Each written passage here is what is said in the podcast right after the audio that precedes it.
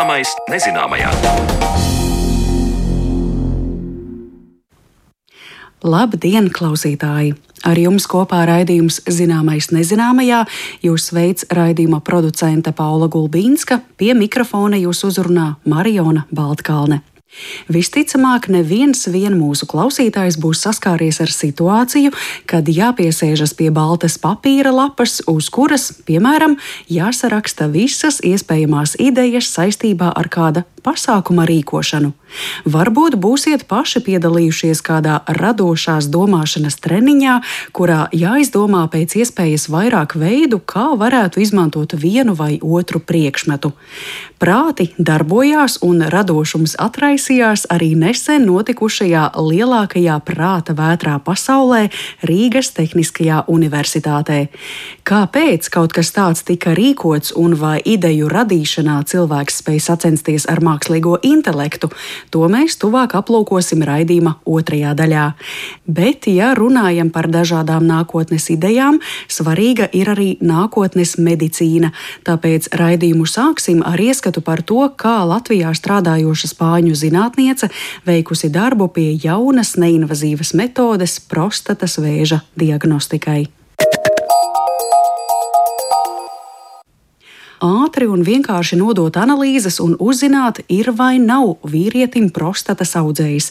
Par šādas metodes izstrādi šogad starptautisko L'Oreal balvu sievietēm zinātnē saņēma Latvijas biomedicīnas pētījumu un studiju centra pētniece Kristīne Baho Santos.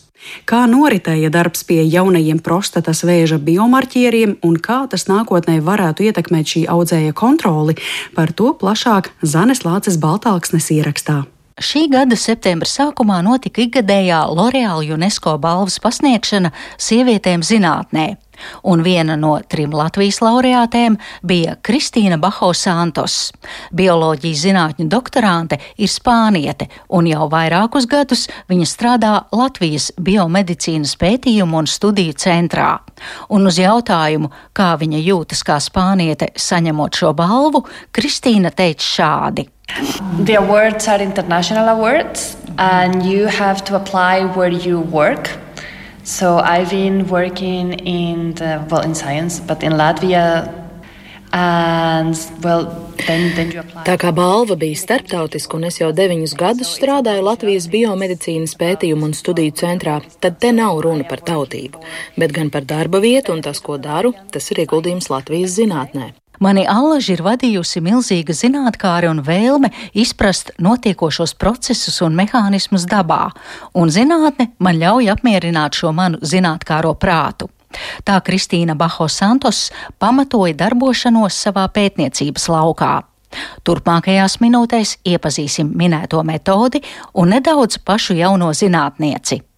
Tātad runa ir par jaunu metodi, kas ātri un viegli mājas apstākļos testējot urīnu, ļautu vīriešiem noskaidrot, ir vai nav viņiem prostatas vēzis.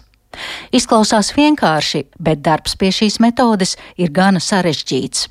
We were working on discovering novel biomarkers that could be uh, identified. Runa ir par prostatas vēža jaunajiem biomarķieriem. Projekta mērķis ir atklāt jaunus veidus, kā diagnosticēt, prognozēt un uzraudzīt prostatas vēža attīstību nākotnē, veicot urīnu un asins plazmas analīzi. Mūsu izstrādātā metode ir neinvazīva un precīzāka salīdzinot ar šī brīža prostatas vēža noteikšanu, kas notiek pacientam nododot asins no vēnes. Esam veikuši projekta daļu laboratorijā laboratorijā, izstrādājuši jau minēto metodi, bet, lai nākotnē tas varētu arī realizēties ikdienā, tam ir nepieciešams gan laiks, gan līdzekļi, gan arī vairāk klīnisko pētījumu. Ir jānodod urīna analīzes, pareizi mm -hmm. saprotu. Tātad cilvēks jā, jā, tikai, jā. tikai, tikai ar mm -hmm. urīna paraugi mēs varam analizēt, kā ir, kā nav. But, yeah, so, so far, no slimnīcas vācam asinis un urīna paraugus, tad izdalām vezikulas. Tās ir tādas sīkas lipīdu membrānas daļiņas, kuras izdala jebkura veida šūnu šūnas un kuras var atrast urīnā vai asinīs. Pēc tam mēs analizējam to saturu un izvērtējam konkrētu RNS molekulu klātbūtni, ko izdala prostatas vēža šūnas, un šī metode parāda, vai ir aktīvas prostatas vēža šūnas. Šobrīd šo analīzi var veikt tikai laboratorijā, bet doma ir nākotnē šo testēšanu padarīt vienkāršāku. Proti, vīrietis aiziet uz aptieku, nopērk tests strēmeles un pats mājas apstākļos urīnā ieliekot šo strēmeli var redzēt, kādi ir viņa prostatas veselības rādītāji.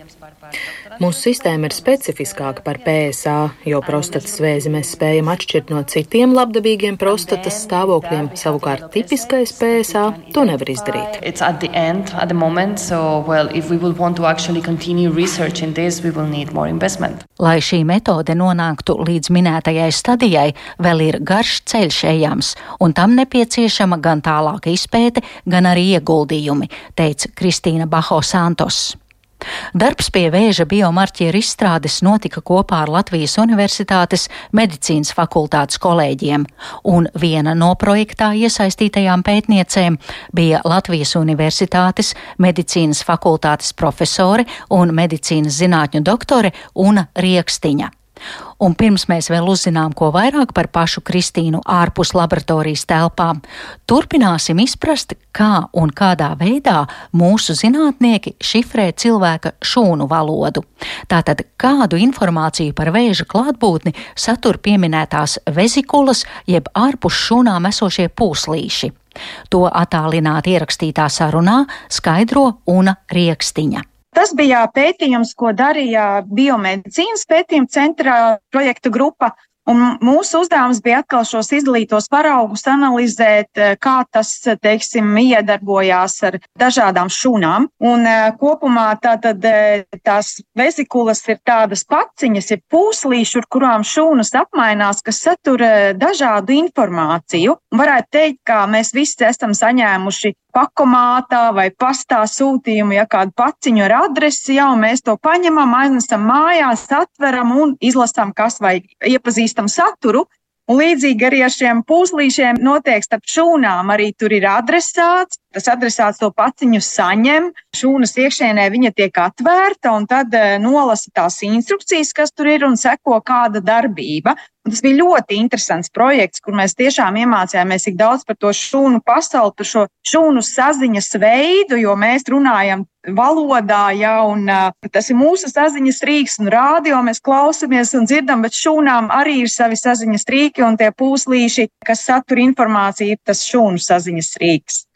Un es saprotu, šeit mēs runājam par uh, konkrētu ziņu. Tā tad skatāmies uz vīriešiem, kuriem šīs šūnas rāda, kas notiek prostātā, kādi tur ir tie cipari. Pareizi saprotu. Jā, gluži pareizi jūs arī to tā paskaidrojat, jā, saviem vārdiem. Tā arī ir šūnas dod informāciju uz āru, Un mēs e, mākam nolasīt laboratorijā, kāda tā informācija ir. Un mēs tagad mācāmies to valodu, lai saprastu, kurai ir labā informācija un kura ir sliktā. Un, lai to izdarītu, tad e, salīdzina paraugus no veseliem indivīdiem un e, paraugus no tiem, kam ir šī slimība.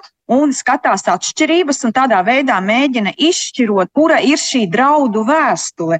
Jo man arī ienāca prātā šis salīdzinājums, kas būtu vietā, Mēs tagad arī saskaramies ar šīm draudu vēstulēm, un varētu teikt, ka arī, lai saprastu, kura no šīm vēstulēm ir drauds, ja ko sūta audzēja šūna, tad arī e, laboratorijā veids šo atšifrēšanu, skatās tieši šī koda līmenī, ko satur informācijas e, ribonuklīnas kābes vai citas dažādas, vai regulatoras ribonuklīnas kābes, kas ir tie galvenie instrukciju rīki, kā šūnas viena ar otru sazinās. Šī metode līdz šim tad, uh, vīrietis, kuram rūp savā veselība un vai prostātas tie marķieri, iet un nodod asins, asins no vēnas. Bet šeit mēs runājam, ka nākotnē, ja tas viss attīstīsies, tas varētu būt tikai urīna paraugs, un ka vīrietis mājā savā urīna paraugā ieliek tests strēmelīt līdzīgi kā, piemēram, diabēta pacients pārbauda cukuru līmeni ar testu strēmelītēm. Jā, esmu dzirdējusi, jā, kad uz to tiecās pēc iespējas vienkāršot šīs analīžu metodes, arī to, lai tas pacientam nebūtu sāpīgi un nesagādāt nērtības, tāpēc urīnu nodot ir samērā, nu, tad nekādas nērtības tas nesagādā, esam jau to darījuši arī darām citām analīzēm, Bet, lai to aizvestu līdz tam, ka tā ir vienkārši testa strēmelīte, un mēs redzam, ir vai nav, kā tas bija Covid testos, vai kā tas ir citos slimību testos, tur vēl ir ilgs ceļš ejams, jo šobrīd redzam, ka tā valoda, ja, ja tie, ko tās šūnas, tās instrukcijas vienotrai sūta, ir pietiekami daudzveidīgas šīs instrukcijas, un vajag atšifrēt īsti, kurš tad būs tas draugs. Un vajag arī tādu, ka tas ir visos paraugos. Šobrīd tur ir diezgan, man liekas, liels svārstības arī starp paraugiem, lai konkrēti identificētu lūk. Ja mēs redzam šādu ziņu, tad tā būs tā, kas pateiks, ka tur tiešām ir audzējis. Bet nu, pie tā strādā, varbūt arī tā testa strēmelītes, varbūt vairākas strīpiņas. Ja? Un uh, uz tādu vienkāršu testu, protams, visi sliecās. Un, ja to izdosies atklāt un tā izdarīt, tad, protams, tas atvieglos daudziem arī nu, laicīgi diagnosticēt un laicīgi novērst, un kopumā tad arī nu, veselīgāku, labāku dzīvi. Tik tālu Latvijas Universitātes medicīnas fakultātes profesores un medicīnas zinātņu doktores Unas Riekstiņas skaidrojums par pētījumiem sarežģītajā šūnu pasaulē. Unai lūdzu arī raksturot viņas kolēģi šajā pētījumā Kristīnu Baho Santos. Kristīnu iepazinu tieši šajos sadarbības projektos, un Kristīna ir ļoti apdāvināta un gudra un tiešām patīk viņai arī šis darbs laboratorijā, šis pētījums, ko viņa veids. Un viņa ļoti labi prot arī prezentēt, ja sagatavot eh, un stāstīt sarežģītu materiālu. Zinu, ka viņa arī studentiem lasa lekcijas, un viņa ir ļoti gaiša un priecīga un tāda optimistiska kā cilvēks, un arī tic, ka viņa izpētīs un atklās un izdarīs, un, un, un būs šis tests kādreiz nākotnē, un es tiešām novēlu šo rezultātu sasniegt. Un kā jau sākumā minēju, sižeta noslēgumā arī nedaudz iepazīsim jauno zinātnieci no Latvijas biomedicīnas pētījumu un studiju centra. Um. L'Oreal UNESCO sievietēm zinātnē jauno talantu balva man ir gods, kas līdzinās profesionālu atzinību, finansiālu atbalstu, kā arī veselu iespēju tīklu un iedrošinājumu turpināt šādus pētījumus. Šī zinātnes balva motivē mani turpināt karjeru zinātnē un domāju, ka arī iedrošina nākamās zinātnieces sekot savam aicinājumam zinātnē. Pēc ierakstītās intervijas sapratu, ka runa bija tikai ap un par pētījumu, un tāpēc uzrakstīju Kristīnai ēpastu ar lūgumu raksturot, kādu viņa redz mūsu valsti un cilvēkus šeit, un kā pati jūtas dzīvojot un strādājot Latvijā. Manuprāt, Latvija ir viena no retajām vietām uz Zemes, kur patiesi var piedzīvot visus četrus atšķirīgos gada laikus. Latvieši pēc manas līdzinājās pieredzes ir draudzīgi, darbīgi, un jāsaka, jūs arī labi pārvaldāt vairākas valodas. Jā, daudz latviešu prot trīs līdz četras valodas. Man patīk tas, ka Rīga ir mājīga un pievilcīga pilsēta dzīvošanai. Te virmo gan kultūras pasākumi, gan ir jaukas kafejnīcas. Vēl vilinošāk ir tas, ka jūra un meži ir tikai īsa, nepilnu 30 minūšu brauciena attālumā no pilsētas centra. Lielākais trūkums manā skatījumā ir laika apstākļi ziemā. Tās man kā spānietei šķiet ļoti augstas. Tā par mūsu zemi un savu pētījumu saistībā ar jaunas, neinvazīvas metodes izstrādi prostatas vēža diagnostikai stāstīja bioloģijas zinātņu doktorante un Latvijas biomedicīnas pētījumu un studiju centra pētniece Kristīna Baho Santos.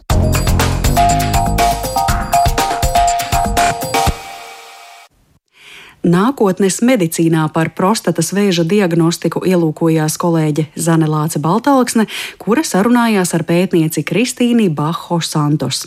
Bet kā fiksēt simtiem un tūkstošiem ideju, kuras nākotnē varētu īstenot aviācijā, modes industrijā un citās nozarēs? Par to pavisam drīz stāstīsim raidījuma turpinājumā.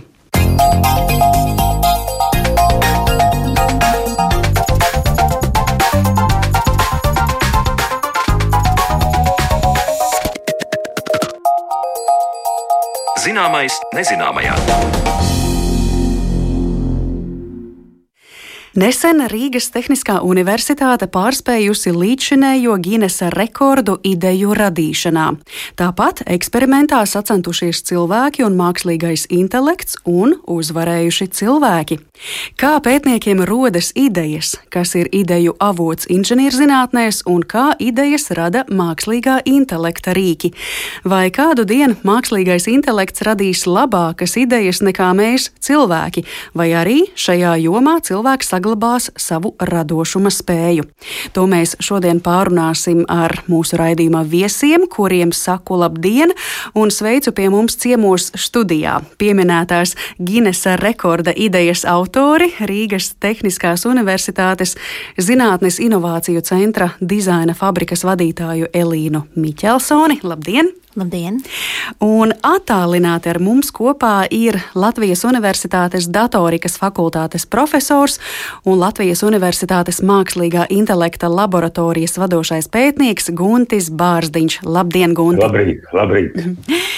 Elīna, es vispirms lūkšu jums nedaudz pastāstīt par Rīgas Tehniskajā universitātē rīkoto pasākumu tas, kas mums ir zināms skaitļos, ir tas, ka šajā lielākajā prāta vētrā pasaulē piedalījās 1217 cilvēki, tādā veidā pārspējot līdzinējā Ginesa rekorda dalībnieku skaitu, un pasākuma dalībnieki ir iesnieguši vismaz 3800 kvalitatīvu ideju jauniem produktiem un pakalpojumiem kā tehniski vispār bija iespējams reģistrēt visu šo lielo ideju kopumu? Kā tas notika? Pirmkārt, mums bija jāizvilna šīs idejas no mūsu dalībniekiem, tāpēc mēs izveidojām tādu sistemātisku ideju vadības sesiju, kurā piedāvājām piecas dažādas metodes, kuras secīgi mēs demonstrējām, kas ir par šīm pa metodi, un pēc metodas iepazīstināšanas bija piecas minūtes katram laiks ievadīt šīs idejas. Tās varēja piefiksēt gan digitāli, gan arī uz lapiņām. Tāpēc mums tā ideju apkopošana ir vēl šobrīd, jo uz idejās, kas uz lapiņām bija sarakstīts, arī jāpāraksta. Tālūk, tā kā tās, kas bija digitāli, reāli ievadīts. Tur jau mēs uzreiz varējām tuvākajā laikā izsecināt, ka varētu būt šīs 3800 kvalitatīvās idejas. Tagad jau es varu teikt, ka mums izskatās jau ap 5000 šīs labās idejas, kuras arī mēs tagad vēlāk klāsterosim, lai veidotu tādu biznesa community inkubātoru, kas jau būs atkal jauns un neparasts kaut kas priekš mums Eiropā. Tā kā droši vien viss sākās ar to, ka jums vispār cilvēki bija jāuzaicina uz šādu liela mēroga pasākumu, jāļauj viņiem noticēt, ka tas būs kaut kas labs, vērtīgs, interesants, un tālāk patiesībā ideju reģistrēšana ir visai vienkārša no tāda tehniskā viedokļa raugoties. Tieši tā. Tāpēc mēs īpašu vērību lūkojam uz to, lai cilvēki uzlādētos jau pirms paša pasākuma. Tāpēc mēs aicinām visus ierasties divas stundas ātrāk, vēlams. Un tad mūsu partneri bija sagatavojuši savos tendiņos uzlādējošas aktivitātes. Tad jau, kad mēs nonācām līdz brīdim, kad teicām 3, 2, 1 un rekords var sākties, ka viņi jau bija gatavi šaut ārā savas idejas. Cik ilgā laika posmā šīs idejas bija jāapkopo, vai tur bija laika limits? Sesija iepriekšējā bija 45 minūtes, kas bija realizēta Indijā. Tas bija rekords, kas mums bija jāpārsita. Mēs izdomājām, ka mēs taisīsim divreiz ilgāku šo sesiju, stundu un 30 minūtes, lai varētu pietiekoši daudz arī šīs metodas iedot. Jo varbūt viena metode cilvēkam nestrādās, piemēram, trend watching, kas ir balstīta nu, uz tendencēm, radīt idejas, varbūt cilvēkam nenostrādā. Un savukārt mēs viņam piedāvājam asociatīvo, piemēram, nejaušā vārda metodi, un tad cilvēks var sevi pilnībā izlikt. To mēs arī redzējām, kad varēja šīs idejas iesniegt atsevišķi par metodēm, lai mēs arī redzētu, kuras metodas visefektīvākās ir bijušas priekš mūsu dalībniekiem. Un tiešām bija, varēja redzēt, ka dažiem cilvēkiem pie vienas metodas viena ideja, bet pie citas metodas, piemēram, 25 minūtēs piecās ir iznākušas. Jā. Latvija un Indija. Es domāju, tur uzreiz ir tik pamatīgas atšķirības iedzīvotāju skaitā. Un, ja mēs pēc Indijas esam nākamie, kuri pārsit pušu šo rekordu, tas tiešām ir kaut kas.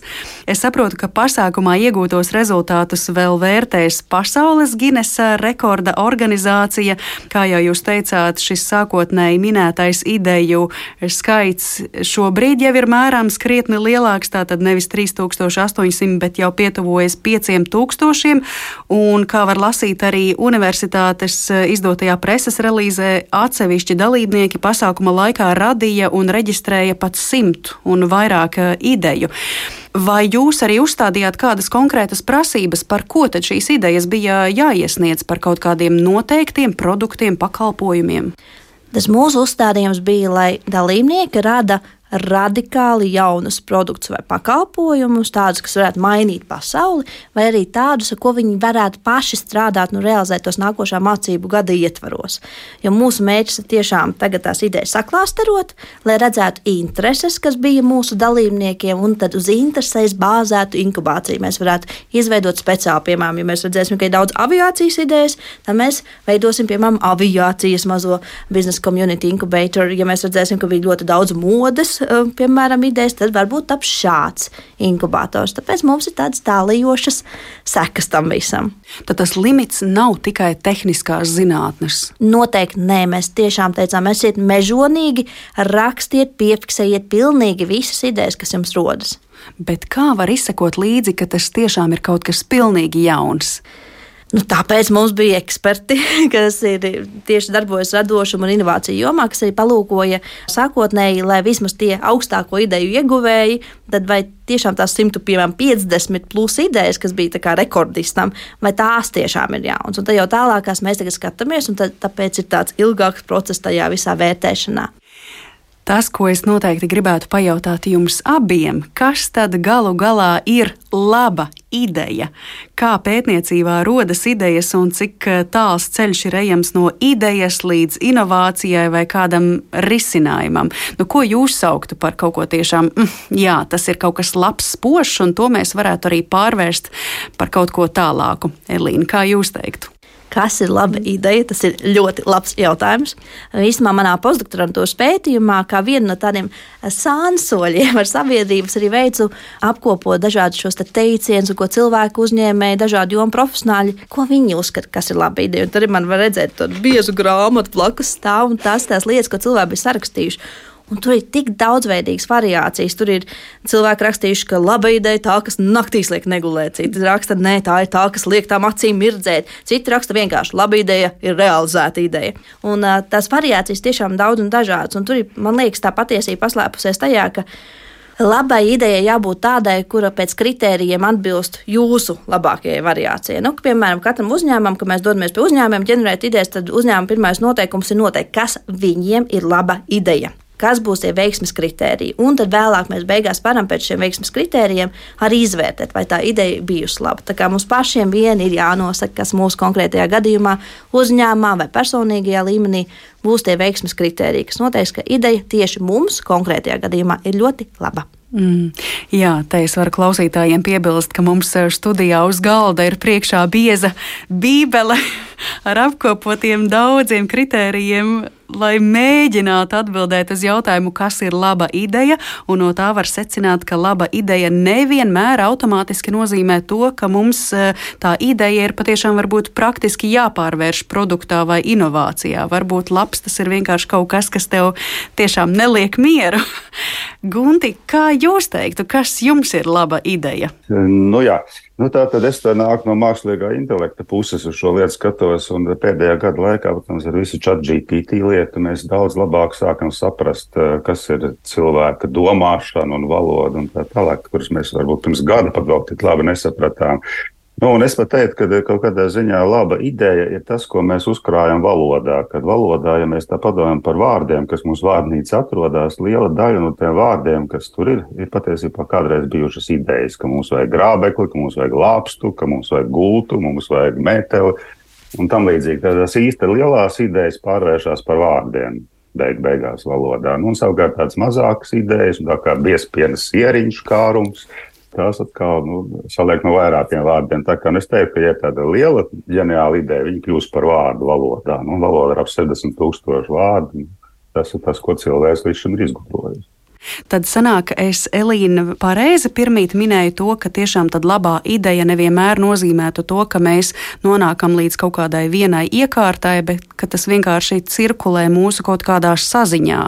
Vai tomēr ir svarīgi, ka to, kas mums neļauj naktīs gulēt, tas, ko mēs lietojam savā valodā, ka tas tomēr nonāk līdz kaut kam praktiskam, līdz tam biezpienas ieriņam. Uh mhm. -huh. Nu, te laikam ir jāatzīmē, ar ko ideja atšķiras no inovācijas, ar ko radošums atšķiras no inovācijas. Jo radošums ir tā jaunā ideja ar vērtību. Tā, tā nevar būt vienkārši ideja, kas cirkulē gaisā, bet tai jābūt jau ar kaut kādu potenciālo vērtību, ko mēs redzam. Jā, tas var būt kaut kas tirgu pieprasīts, tas var būt kaut kāda sociālo ietekme vai uz dabu, kāda pozitīva ietekme. Tad jābūt ar jau potenciālu vērtību. Tad jau tā, to mēs varam teikt, tas ir radošums, jauna ideja ar vērtību.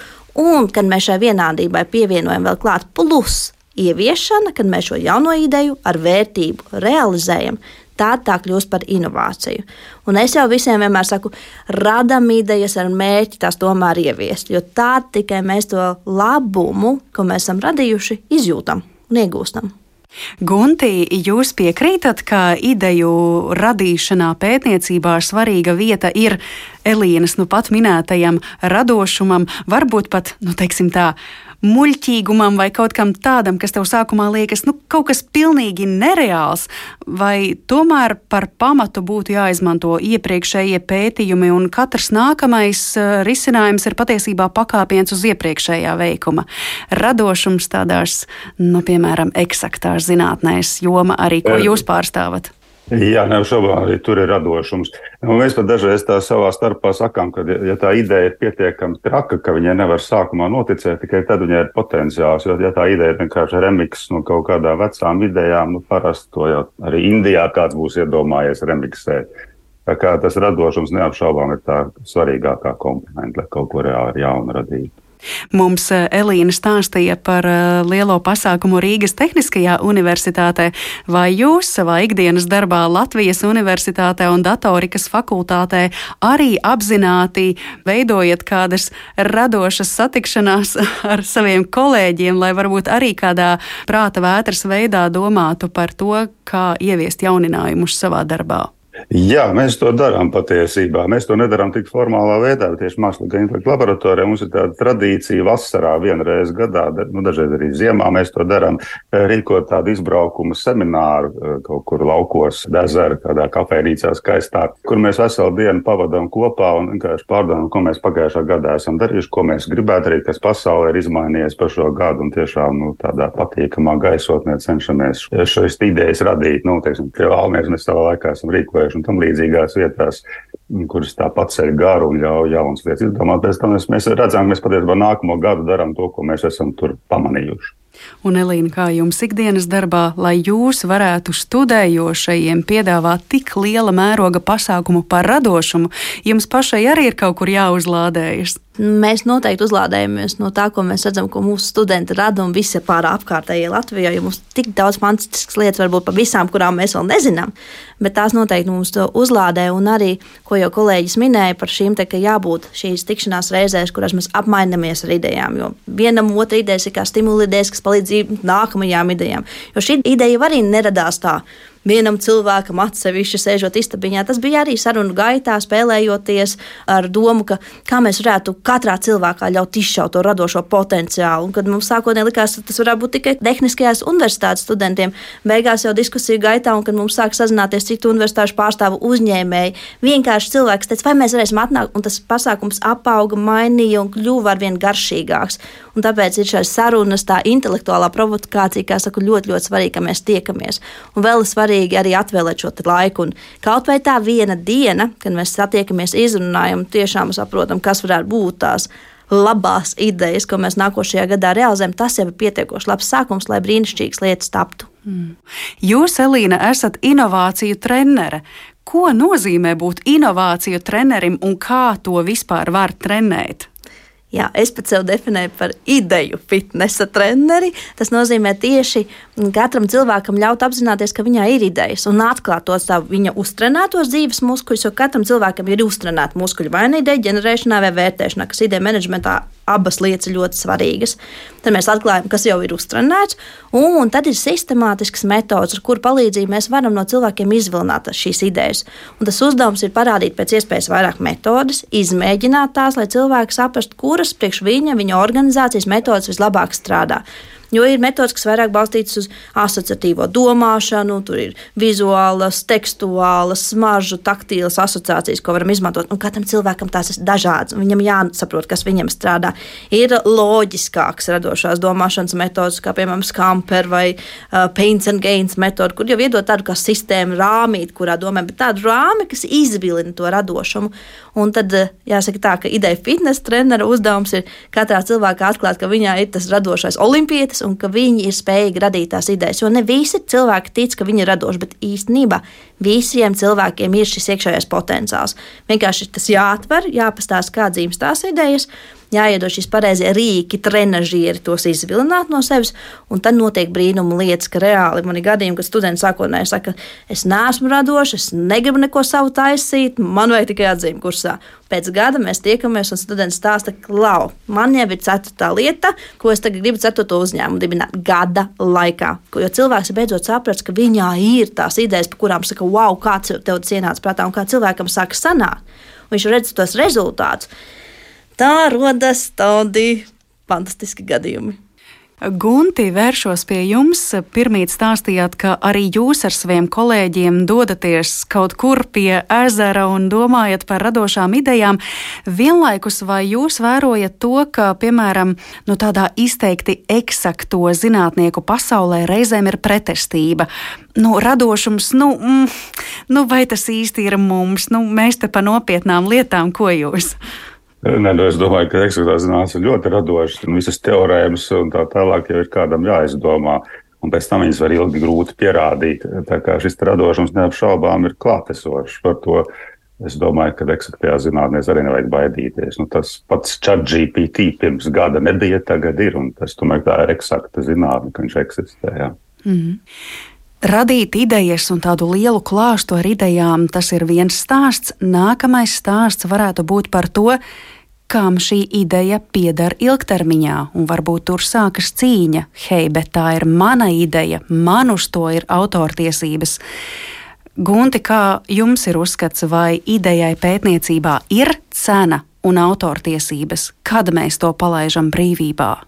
Nu, vēsturiski, protams, mums ir bijusi patentu sistēma, kur mēģināja šos idejas kaut kā e, šādi monetizēt, ja tā varētu teikt. Pēdējā laikā šī patentu sistēma ļoti grūta. Man personīgi pieder kaut kādi trīs patenti, bet neviens no viņiem nav tālu ticis, jo šos patentus pirmkārt aprakstīt ir ļoti grūti. Un otrkārt, viņas aizstāvēt pasaulē ir ļoti grūti. Nu, mūsdienās idejas zog. Ja mēs tiešām tā paskatāmies, no mobilie telefoni izdomāja viņa Apple kompānija, iPhone, pēc tam tur Samsung un visi pārējie arī ražo. Tā kā nosargāt idejas mūsdienās ļoti grūti. Elīna piekrītieši māja ar galvu. Jā, jau pirmkārt, jau ir labi, ja mēs to ideju spējam kaut kādā formā ietvert, aprakstos, modeļos, skicēs, jo tad jau mēs tādu ideju, kurai piešķirt formu, to jau mēs varam sākt aizstāvēt ar dažādām intelektuālā īpašuma tiesībām. Bet, tad, ja tā ir tā vienkārši ideja, ko mēs ātri pasakām, tad ideja bez tādas formas pat mēs īsti nevaram aizstāvēt. Nu, tālāk tā kā, ir labi, ka mēs varam izveidot aprakstus, skices, ir prototypi, tad jau mēs varam to tālāk bīdīt. Bet, kā jau arī tika minēts, tur sākas tā sarežģītā lieta, vai vērts to darīt konkrētos gadījumos, jo patents arī mēs varam reģistrēt un šīs tiesības uz reģioniem. Ja mēs kādā reģionā kaut ko neesam pieregistrējuši, tad kāds var to pilnīgi legāli, piemēram, atkārtot un tā tālāk. Tā kā, jā, tas ir tāds ļoti interesants jautājums. Un, um, piemēram, strādājot arī universitātēs, uh, tur atkal šis jautājums vēl kompleksāks top, ja tiek radīta šīs idejas studiju procesa laikā vai ar kādu atbalstu universitātes puses. Tad jau, protams, tur atkal ir šis par kam pieder šīs idejas, vai universitātei, vai studentiem, un kā tās vēlāk tiesības, piemēram, no universitātes apakaļ nodot studentiem, ja viņi to grib uh, reāli komercializēt. Tas ir tāds, man liekas, atsevišķa raidījuma vērts. Mm temats. Bet jūs esat kādreiz saskārušies eh, savā augstskolā, ka, piemēram, kāds studējošais ir nācis ar eh, lielisku ideju, un tad vēlāk viņam liekas, ka tā viņa ideja jau nonāk kādu citu cilvēku mācību spēku īpašumā, un tad viņš saka, bet vispār tā ir manējā, un es gribu, ka es tur viņu stāstu un reklamēju, nevis, ka jūs tur tagad to prezentējat kā augstskolas ideju. Uh mhm. -huh.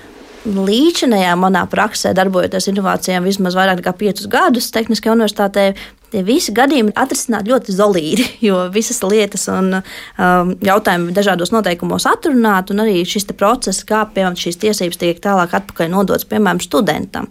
Jo tad jau var būt, ja ir šis tiešām patents, kas ir iegūts kopā ar universitāti, tad jau vēlāk var būt šī publiskā izsole, kurā arī piedalās pats students, iegūst šīs tiesības un pilnīgi legāli to turpina darīt, realizēt, komercializēt. Mm. Bet nu, mēs esam nonākuši pie mākslīgā intelekta, ko es arī pieminēju mūsu sarunas iesākumā un šajā lielākajā prāta vētrā pasaulē, kas notika Rīgas Tehniskajā universitātē. Vairāki cilvēki ir sacentušies eh, ar mākslīgo intelektu un eh, uzvarējuši, nu tad acīm redzot, mēs jau varam atbildēt uz jautājumu, vai mākslīgais intelekts un cilvēks var sacensties. Bet vai uzvarētājs vienmēr būs cilvēks? Varbūt reizēm tomēr mākslīgajam intelektam ir lielākas iespējas uh, uzvarēt. Kā jūs salīdzināt šo cīņu, cik tā ir līdzvērtīga? Elīna, jums vispirms un noteikti arī Guntim pēc tam došu vārdu. Te ir atkal jautājums par kritērijiem. Kā mēs to salīdzinām? Ja mēs skatāmies uz ideju kvantitāti, piemēram, īsā laika periodā radīt pēc iespējas vairāk idejas, nu, tur priekšrocības, protams, ir mākslīgajiem intelektam krietnes. Bet kad mēs sākam skatīties piemēram par šo ideju atšķirību, jo radošums ir par šo jaunā ideja ar vērtību, tad, kas ir atšķirīga no citām idejām, tad jau sāk parādīties kaut kādi interesanti aspekti, ko mēs varam sākt salīdzināt, kur mums varētu būt šīs priekšrocības.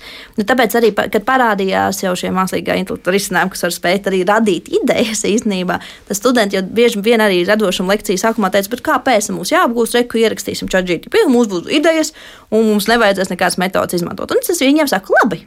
Taisam vaļā telefons, mobilās ierīces, varam vaļā jūsu mīļos rīks, un tagad visi ierakstam vienu un to pašu teikumu. Nu, piemēram, mēs gribam jaunas konfekšu idejas, visi vienādi ierakstam, un visi ierakstam to, piemēram, ChatGTP.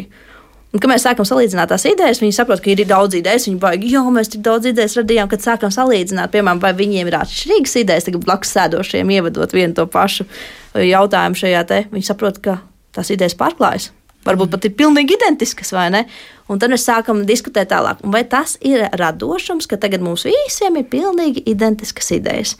Un tas saka, un tagad stop, aizmirstam šo un paņemsim pāris metodītas, trīs metodas, paģenerēsim idejas. Bez šādiem rīkiem, un tad salīdzināsim, vai jums tāda pārklāsies idejas. Un tad mēs paši paģenerējam idejas, salīdzinām, viņi saprot, ka pārklājas daudz mazāk idejas, un ir kaut kādas pilnīgi tādas, ka viss paliek mēmī idejas, kā tādu ideju vispār var radīt. Jo tajā mūsu var teikt, eksperimentā, kas bija diezgan aizraujoši. Tur mēs arī šo novērojam, ka tās idejas, ko cilvēki radīja, pilnīgi bija tādas negaidītas, asprātīgas, ko mm, mākslīgais intelekts nebija paspējis sadomāt. Tad, Gunte, jautājums jums, kā tad galu galā mākslīgais intelekts rada idejas, kas ir viņa, es atļaušos teikt, tā bāze. Cilvēkam ir viņa smadzeņu kapacitāte, bet mākslīgais intelekts Jāsaprot, kad ir šodienas mākslīgais intelekts, mēs parasti to saprotam ChatGPT, acīm redzot. Un šis ChatGPT strādā šajā remiksa, ideju remiksa eh, līmenī, ka to, ko viņš ir redzējis citur pasaulē, ko cilvēki dara, viņš viņus var remiksēt dažādās formās, nu, piemēram, to pašu biezpienu sēriju nevis ar šokolādu glazūru, bet ar mango glazūru, uz, ja teikt, uztaisīt.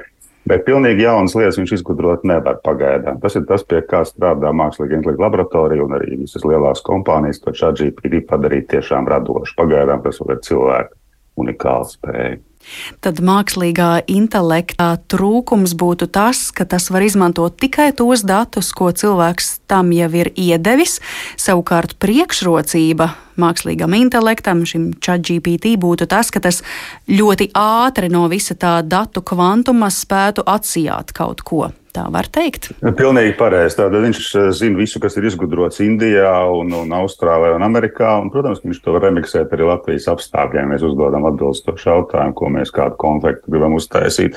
Tad to viņš var noteikti labāk kā cilvēks. Izgudrot kaut ko pilnīgi jaunu, tam ir jāzina pasaule. Tur ir vajadzīga šī realitāte, ka zāle ir zaļa, kalni ir augsti un, un konflikti ir salda un tas ir patīkami. Un šīs sajūtas viņam vēl nav, tad tikai cilvēks var šajā mm. līmenī pagaidām strādāt. Un kaut kad eh, tam varētu būt arī izpratne par to, kas ir salds un sāļš. Pie tā visi strādā pašlaik. Es domāju, pāris gadi gan jau kaut ko izgudros.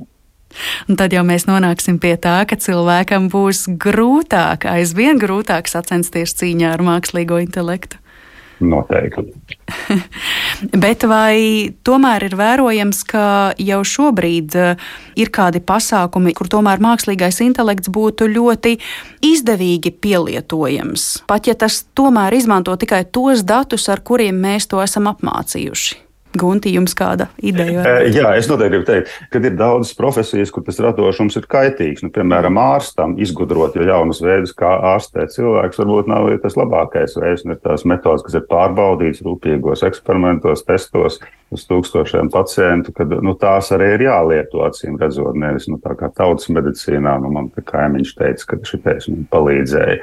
Tā kā tas radošums ir vērtīgs dažās jomās, bet citās jomās mums tieši tās uzkrātās zināšanas ir ļoti labas, viņas nevajag pārradīt. Bet tajā pašā laikā medicīnā arī ir bijis ieteikums ļoti būt uzmanīgiem ar šādiem mākslīgā intelekta datiem, jo pat ja mākslīgais intelekts piedāvā jums kaut kādu vidējo aritmētisko par to, kā vienu vai otru pacientu ārstēt, jums tāpat ir jāveido ļoti individualizēta pieeja pacientam, un tad varbūt, nu neteiksim tā radošums, bet tāda personalizēta attieksme tomēr ir priekšplānā, un tikai pēc tam vidējiem izvilkumiem izvilktajiem statistiskajiem datiem no mākslīgā intelekta.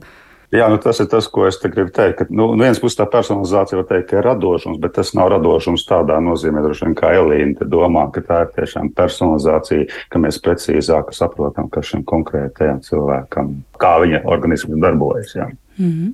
Un kā jums, Elīna, šķiet, mākslīgais intelekts šobrīd būtu parocīgs ideju radīšanai? Mm, tas var būt kā validācijas iespējams rīks, lai saprastu pēc iespējas ātrāk, vai tiešām tas ir kaut kas jauns. Tad mēs varam paprasīt, vai kaut kas tāds kaut kur pasaulē, spogulis, poliglīt, vai kaut kas tāds eksistē. Tas var būt kā validācijas rīks. Tad mēs arī varam izmantot šajā procesā, ka mēs vēlamies jau vidē, piemēram, vizualizēt. Tad ir arī šādi risinājumi, kur mēs dažreiz izspēlējam, kā varētu izskatīties šis pirmais prototyps, ka mēs nevis paši to radām, bet tiešām ierakstam, nezinu, tur ir piepūšama telts, kokos, apaļ iekarinām, iedodam šos visus elementus elementus un tad sakam, parādiet, vai ne? Un tad mēs paskatāmies, kāds izskatās, un varam varbūt jau uz to prototipu, ko mēs tiešām paši dizainēsim, jau iziet ar kaut kādu sākotnējo bāzīti. Nu, tālūk, tā kā var vienkārši jāpiet tam visam kritiski, jāpaskatās, kuros posmos, jā, tieši tā arī kurās industrijās un jomās kā mēs to vislabāk, korektāk varam izmantot. Jo jāizmanto tas kā tāds efektivizācijas līmenis, kur tiešām mēs varam to laiku iekonomēt paši, mēģinot apkopot to informāciju, Šeit mēs vienkārši to varam izmantot tā efektīvāk. To izdara mūsu vietā, un mēs darām tās radošās lietas, meklējam tos jaunās tās kombinācijas un tos negaidītos savienojumus, varbūt, kas nebūs tās inovācijas, jeb tās atkārtotās idejas, kas tiek miksētas, bet tiešām kaut kas tāds, tas jaunais kniksīts. Mēs tam savu laiku vairāk veltam. Tajā tikšanās laikā, kad mēs aizbraucam pie ezera vai kaut kādā uzkāpjam bērniņos radītās idejas, ka tajā laikā mēs varam ļauties šim, nevis pētīt, kas ir bijis. To, lai dara, tad varbūt šie rīki. Inovācijas. Inovācijas, jā, tas ir tāds eh, kas šķietami jauns, bet ir bāzēts tiešām uz iepriekšējiem risinājumiem. Tā kā nedaudz varbūt uzlabotas lietiņas, mm. inovācijas. Mm. Kādi tālākie soļi? Tātad šobrīd jūs vēl savas uh, ievāktās uh, idejas pēc Ginesa rekorda pasākumā apkopojat. Tālāk eh, jūs tās apzināti virzīsiet līdz kādiem praktiskiem risinājumiem, jo droši vien tas nebija tāds pašmērķis vienkārši savākt idejas, bet vēlme kaut ko arī ar to darīt tālāk. Tieši tā, tā mūsu Tālākā vīzija ir ideja klāsterošana, saprast, kas tiešām interesē mūsu dalībniekus. Tātad, vai viņus interesē attīstīt ūdens robotikas idejas vai kādus medicīnas risinājumus, saprast tās interešu grupas un šīm interešu grupām radīt šo te interesēs bāzēto inkubāciju, kur galvenais motivācija būtu tiešām šis te grupa kopā ar vienādu interesi var darboties šajā inkubācijas procesā, un tur varbūt iespējams būs tāds, ja mēs skatāmies no tādiem inkubācijas dažādiem dažādiem līmeņiem. Tur būs dažādi. Tur būs tādi, kas ir priekšinkubācijas fāzē tikai ar tādu jēlāku ideju. Tur būs tādi, kas jau sākuši uztaisījuši alfabēta prototypus. Iespējams, būs tādi, kas jau sākuši savas lietas komercializēt, vai ne, bet viņi meklē tādu jau nākošo soļu. Un man liekas ļoti labi, ka šīs interešu grupas beidzot vienotrs varēs sākt arī valstī. Tad šis lielais, kas jau ir aizgājis dažus soļus priekš, varēs paraut to mazāko līdzi. Bet tā viņu motivācija un interese ap šo sfēru varētu būt tas, kas varbūt mums inkubācijā radīs vēl labākus rezultātus. Jo iepriekšējās programmas mums jau ir ļoti labi pierādījuši ar šiem procesiem. Un, vispārējo, ko mēs esam izstrādājuši, tad tagad mēs gribam tādu nākošo eksperimentu veikt. Vienkārši kas notiks, ka mēs šim procesam pievienosim vēl šo intereses elementu, jo mēs esam sapratuši visās programmās, tur, kur ir motivācija, tiešām studentu un iesaistīto personu liela, tur būs arī labāki rezultāti. Tā kā mēs ceram, nākošajā gadā izveidot vismaz pirmos četrus šādus biznesa community inkubatorus, kas būs tiešām uz tām lielākajām mūsu ideju klasteru grupām, un tad jau redzēsim rezultātus. Un es ticu, ka vēl viens labs rezultāts varētu būt arī Latvijas augstskolu un studējošo no lielajām Latvijas augstskolām nākšana kopā un ideju apmainīšanās. Ļoti iespējams, ka studējošie nemaz ikdienā tā nesatiekas no šīm augstskolām, vai ne? nesatiekas, bet tāpēc man ļoti patika Guinness rekordā, kad bija šī interese no ārpuses, no citām augstskolām, uzņēmumiem, organizācijām. Mēs atvērām tās durvis.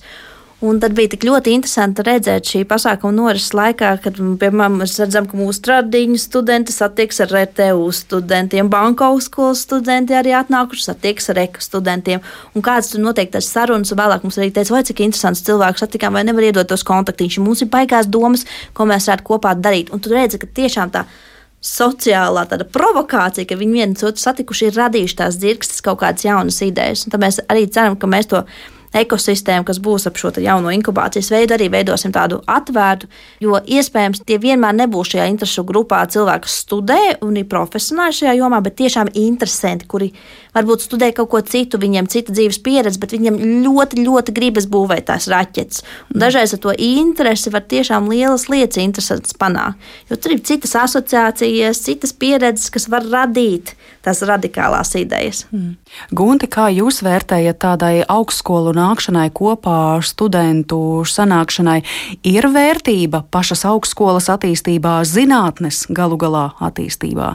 Nu, konferences jau notiek, tur jau cilvēki nāk kopā no dažādām augstskolām, no visas pasaules. Bet es domāju, ka, ja iet runa par inovācijām, tur ļoti svarīgs elements ir nauda. Tātad cilvēki ar naudu, kas biznesa, un tas ir tas, kas, teiksim, Amerikā ir populāra kompānija Y Combinator, saucās, kur nāk šie venture kapitalisti, es pat nezinu, kā viņas latviski pareizi būtu saukt, kam ir daudz naudas, kas meklē idejas, kā to naudu uh, palielināt. Un savukārt ir šie cilvēki ar idejām, kas nāk un stāsta, pičo savas idejas, un Es domāju, ka šāda sistēma būtu tiešām produktīva, ja Latvijā viss sāk kustēties.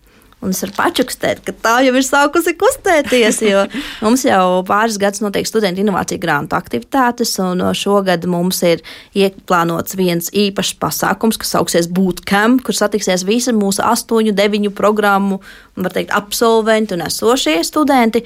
Un tieši viena no aktivitātēm būs, mēs viņu esam nosaukuši par tādu kā investoru Shark Tank, kurā tad tiešām šīs grupiņas varēs prezentēt tās savas idejas dažādiem šiem investoriem, venture capital dalībniekiem un tā tālāk. Un tad viņi varēs arī izrādīt to interesi, teikt, vai viņi vēlās parunāties arī tālāk par šo ideju ar cilvēkiem, un iespējams uzaicināt tiešām uz kādu potenciālo izvērtējumu, vai viņiem piešķirt finansējumu, vai arī nē. Un tas ļaus abām pusēm saprast. Vienai pusē ļaus saprast, kas mūsu ideju tirgu notikt un ko viņi var dabūt. Un atkal otrai pusē tas ļaus iegūt šo atgriezisko saikni, kas arī ļoti būtiski saprast kas tavs investors interesē, vai ne, kas viņus uzrunā. Paskatīties, ok, man šoreiz nesanāca, bet tas noprezentēja šādā veidā, tādu ideju, ok, tad es varu pamācīties no šī cilvēka.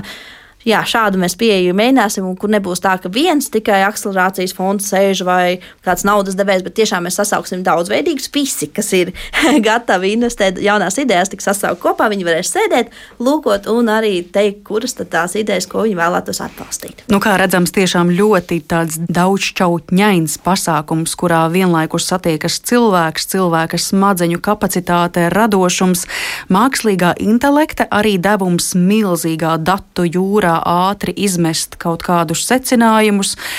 Biznesa pasaule, jā, tas viss ir vajadzīgs, lai mēs nonāktu pie kādiem vienkāršiem vārdu salikumiem, kas ienāk mūsu valodā, kā piemēram biespiena sieriņš. Varbūt, ko es vēl gribētu pieminēt, vienīgi ir, ka valoda un attēli jau tika minēts, ka arī tos prot ģenerēt mākslīgais intelekts un ka šī pārējais starp valodu un, un vizuālo pasauli, es domāju, ka viņi tuvākajā laikā kļūs aizvien spēcīgāk, viņas saplūdīt. Pie mākslīgā intelekta jautājumiem mēs atgriežamies mūsu raidījumos un sarunās ik pa laikam, katru reizi no kādas citas šķautnes, un droši vien agrāk vai vēlāk mēs atkal un atkal pie šiem jautājumiem atgriezīsimies. Bet eh, šajā reizē es saku ļoti lielu paldies mūsu raidījumā dalībniekiem par to, ka iepazīstinājāt ar to, cik liela mēroga pasākumi Latvijā var notikt un kā mēs sitam pušu rekordus un kādu lomu tajā visā spēlē arī čati GPT. Un liels paldies šodien saku Ginesa rekorda idejas autorei, Rīgas Tehniskās Universitātes Zinātnes Inovāciju centra dizaina fabrikas vadītājai Elīnai Miķelsonei un Latvijas Universitātes datorikas fakultātes profesoram, Latvijas Universitātes mākslīgā intelekta laboratorijas vadošajam pētniekam Guntim Bārzdiņam. Un ar to mūsu raidījums šodien izskan. Par to gādāja Paula Gulbinska, Reinis Budze, Girts Bišs, pie mikrofona bija Mariona Baltkalne. Paldies jums, klausītāji, ka pievienojāties šajā stundā un uz sadzirdēšanos atkal drīz. Visu labu!